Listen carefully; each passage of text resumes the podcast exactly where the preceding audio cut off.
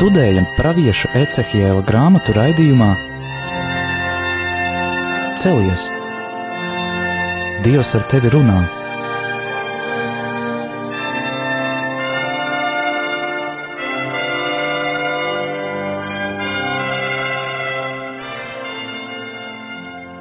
Slavēts Jēzus Kristus! Atkal turpināsim studēt svētos rakstus un pievērsīsimies vecajai derībai. Studijā Stela, mūžīgi mūžos slavēts un Anģela.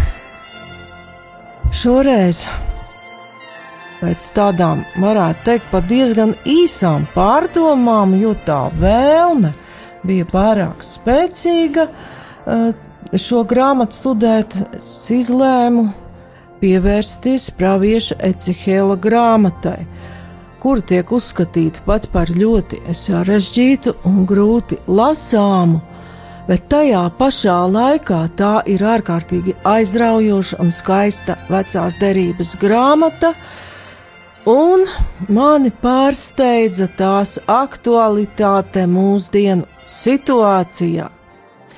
Jo mēs, gan kā Eiropas civilizācija, gan arī kā Latvijas tauta, un iespējams arī daudzi cilvēki, pat būdami kristieši, mēs varam nonākt šajā situācijā. Esam turpat, kur bija šī sauso kaulu ieleja, ko redzēja pravietis Ecehils, bet lasot šo grāmatu, saskatīsim, ka dievam visas lietas ir iespējamas, un arī šie sausie kauli varēja tapt dzīvi. Tad tā ir krīzes laika literatūra, tā ir arī apakaliptiska grāmata, un atcerēsimies jau no dažādām iepriekšējām nodarbībām šeit radio Marija, ka apakaliptisks un arī pat Jāņa atklāsmes grāmata nenozīmē, ka tiek pasludināts pasaules gals tūlīt nekavējoties un uzreiz. Šīs grāmatas runā par bīstamu situāciju cilvēka katra dzīvē, tautas pa civilizācijas dzīvē. Šīs grāmatas uzrunā cilvēku viņam pavēstot caur šo autoru praviešu muti. Cilvēki, jūs esat atkrituši no dieva un esat aizmirsuši viņa pavēles. Un tā kā arī pat labāk mums apkārt tas notiek, ir ļoti vērtīgi mēģināt to saskatīt caur ar pravieša Ecihēla acīm un caur viņa rakstītajiem vārdiem. Varbūt arī Anģela kaut ko grib šeit piebilst. Nu jā, un Dievs vienmēr mūs aicina tuvoties viņam, uzklausīt viņu un dzirdēt vienmēr viņa aicinājumu. Un Dievs vienmēr ir pacietīgs un gaida mūs pie sevis. Jā, paldies! Un Anģela šeit pat jau aktualizē kādu īsu teikumu no šīs grāmatas, kurš ļoti labi raksturo dieva nostāju visos šajos jautājumos, jo pravieši, pravieša grāmata ir sevišķi pirmajā daļā pilna ar tādu nepārtrauktiem brīdinājumiem. Bet 33. nodaļā, 9. pantā, caur praviešu teikto mēs saprotam, ko, kas tad tur ir rakstīts.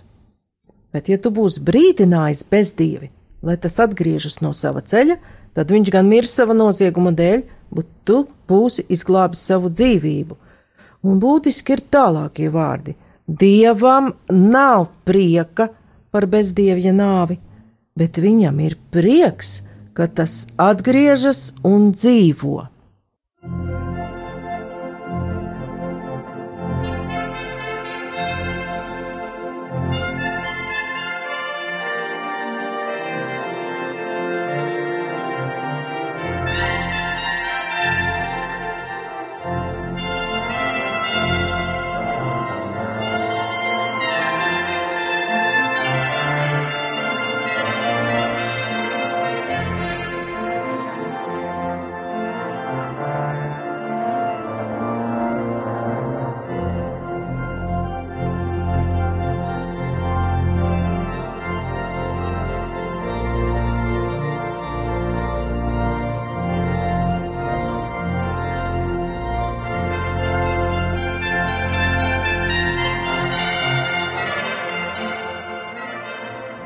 Vairāk pievērsīsimies pašai grāmatai. Kā es jau minēju, grāmata ir kā praviešu grāmata, arī apakaliptiska grāmata, un eksigēti pat uzskata Ecihielu par jūdu apakaliptikas ciltstēvu, ka viņš ir iesācis šo tradīciju. Apakaliptisko literatūru, kur caur dažādiem skaistiem, pat biedējošiem tēliem, Dievs vēstīja par bīstamu situāciju, par tās tuvošanos, par notikumiem, kuri vēl būs, un arī par glābšanu. Ir arī tādas diezgan skopas ziņas, kas ir pats Ecehils. To mēs arī varam šeit izlasīt, varbūt jau pamanīt, kas viņš tāds ir.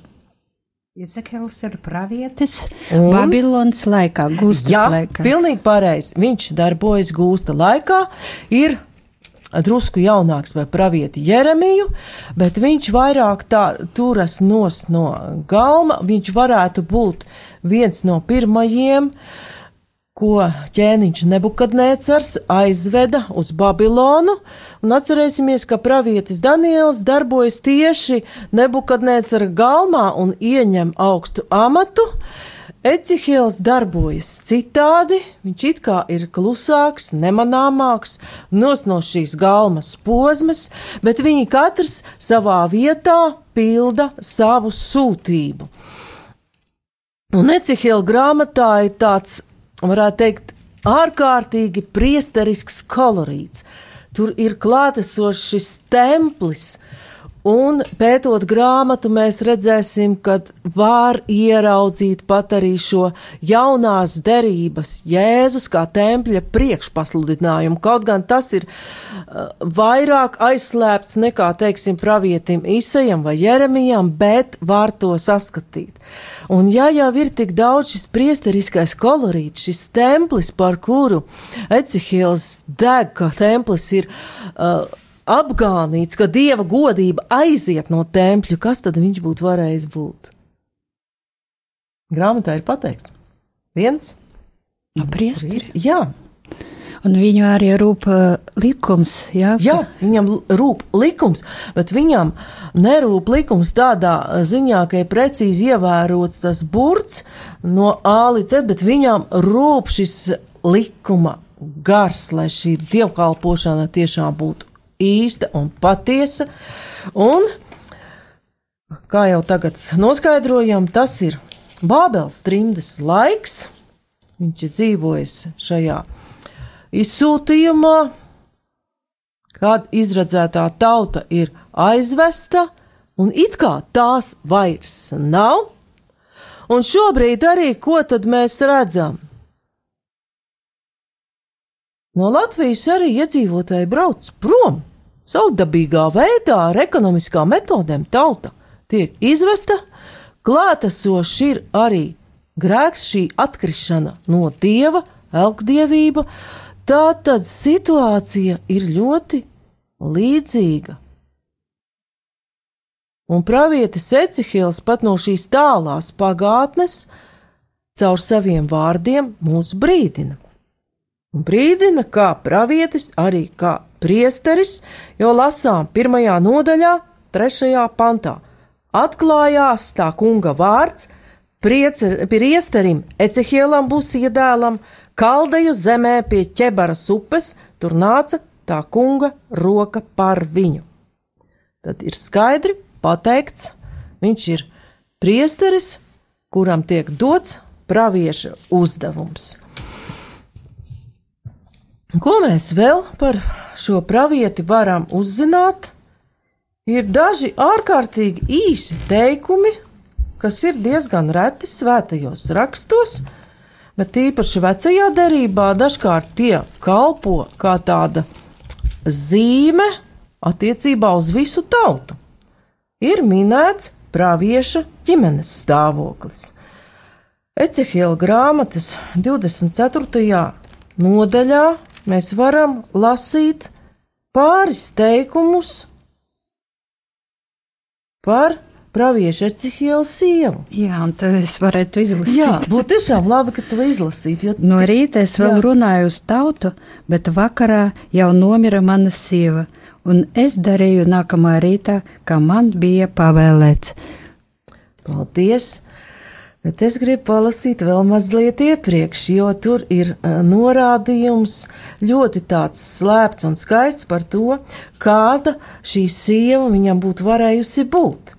24.16. mēs lasām: Cilvēka bērns, redzi, es atņemšu tev tavu acu jaukumu ar kādu gadījumu, bet tev nebūs skumt un raudāt nedz asars lieta Klusībā tu vari nopūsties, bet nerīko sēru atceri. Uzliec savu galvas segu un apvelc savas kurpes kājās. Neaizklāj savu bārdu un neēd to sēru maizi, ko tev piesūta. Un tālāk šie, seko šis 18. pants, kuru nolasīja Anģela, un šie vārdi it kā ir ļoti skopi, bet mēs varam saprast, jāskatās arī teksta citi tulkojumi, ka šis dzīves draugs, sieva, pravieti Mecihēlam ir bijusi ļoti nozīmīga un tiešām liels atbalsts, gaišums viņa dzīvē. Un var saprast, tas ir noticis apmēram kādu 4-5 gadus pēc tam, kad viņš bija saņēmis šo pravieša aicinājumu.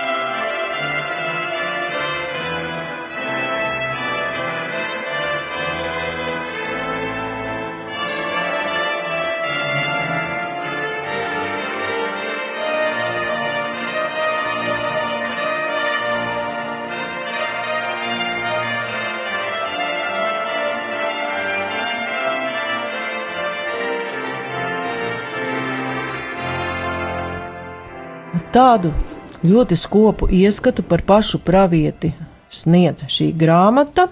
Viņš pats ir vēl Bībeles pētnieku viedokļi un arī senāku autoru viedokļi, ka viņš ir bijis, varējis būt, pareizāk sakot, pravieša Jeremija kalps, iespējams, ka Haldejā pat Pitagoras skolotājs, bet šīs versijas ir strīdīgas, un pētot šo grāmatu, tās nav arī tik būtiskas, kā vairāk, kaut arī šie teikumi ir ārkārtīgi īsi un skopi par pašu pravieti un priesteri un viņa sievu, bet tu vairāk ņemsim vērā tieši tos, jo tie vairāk atklāja viņa šo aicinājumu un arī otra cilvēka klātbūtnes nozīmi liela un dīža uzdevuma pildīšanā. Grāmata izceļas ar skaidru, loģisku uzbūvi un arī ar zinām tādu chronoloģisku secību.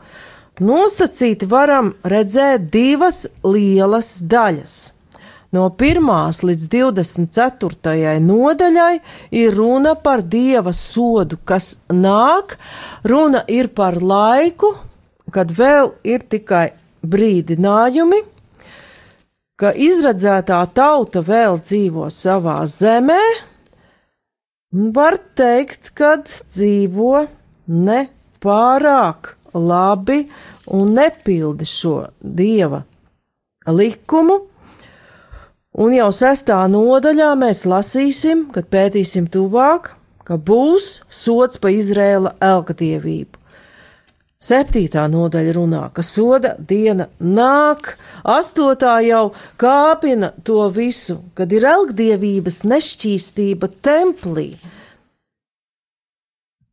Un desmitā nodaļa jau runā par to, ka dieva godība aiziet no tempļa, dieva godība atstāja templi.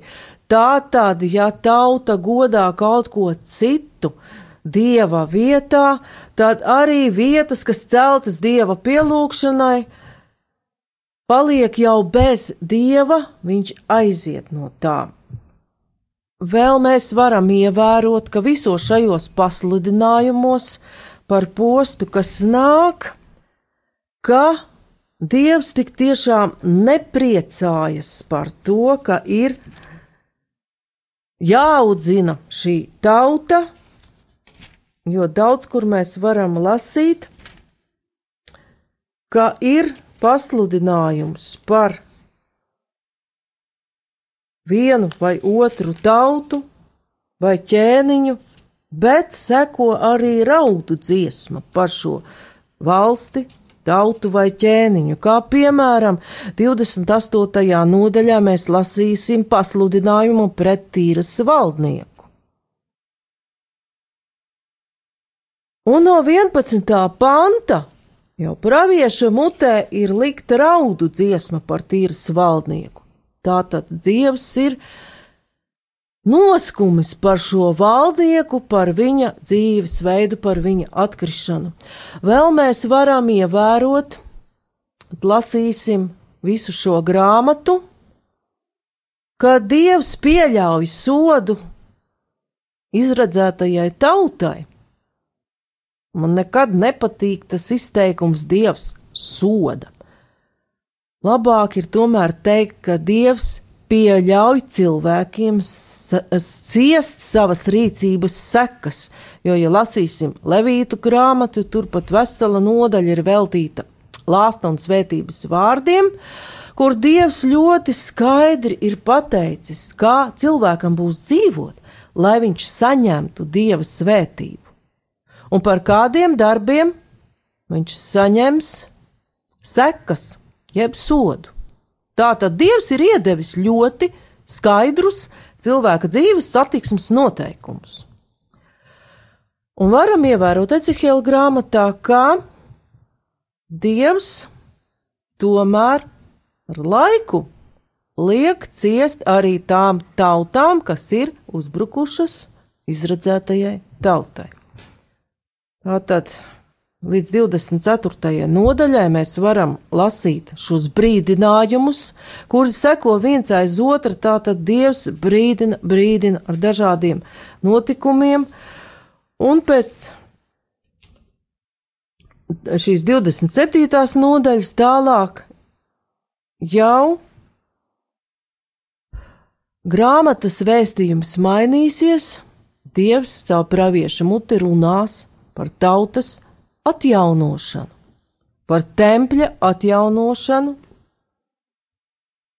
un pats grāmatas noslēgums interesantā kārtā ļoti atgādina mums jau drusku zināmo Jāņa atklāsmes grāmatu. Arī Ecihēls runā par tempļa atjaunošanu, runā arī par tādu pilsētu, kurai būs izējas nosauktas pēc Izraēļa ciltīm, un cik tās ciltis bija? 12. 12 ciltis, un tā kā arī atklāsmes grāmatā mēs redzam, ka ir 12 vārti. Tā tad ir ļoti cieša saistība jau šai vecās derības grāmatai arī ar jauno derību. Vēl nedaudz pievēršoties struktūrai, redzējām, ir divas lielas daļas, un tās vēl sadalās sešās galvenajās daļās. Vispirms ir aicinājums, pirmā nodaļa līdz trešā, brīdinājums par sodu, no ceturtās nodaļas, kā jau minēju, līdz 27. Vēstis par dieva sodu tautām, kas apspiež dieva tautu, no 25. līdz 36. mierinājums pēc Jeruzalemes krišanas, jo tur ir šī 37. nodaļa ar to kaulu ielēju, bet jau tur redzam, ka ir šis mierinājums, ka kauli var tapt dzīvi. Ir pravietojums pret Gogu, tad mēs pētīsim tuvāk, kāds, tad, kas tas tāds ir. Un noslēgumā sastāvdaļa ir jaunais templis.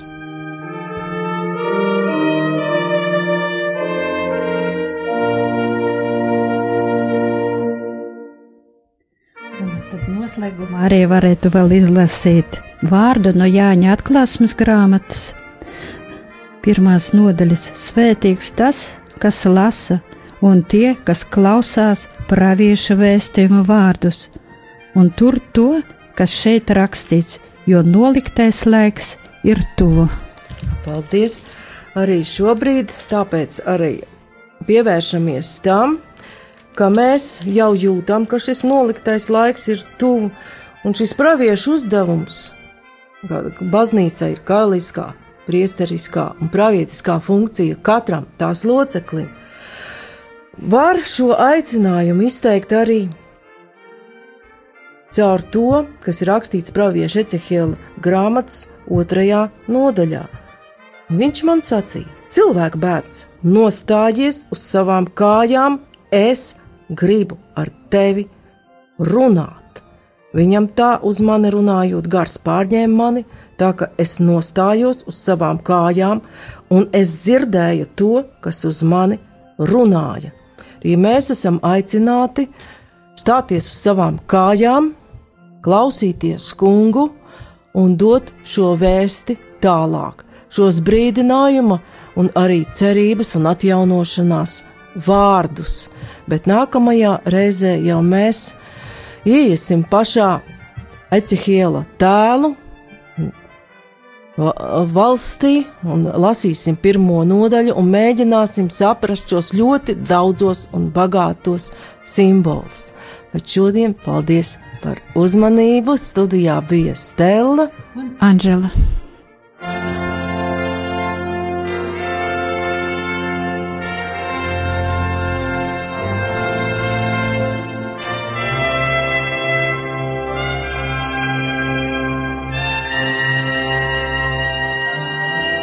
Izskanēja raidījums Celies! Dievs ar tevi runā!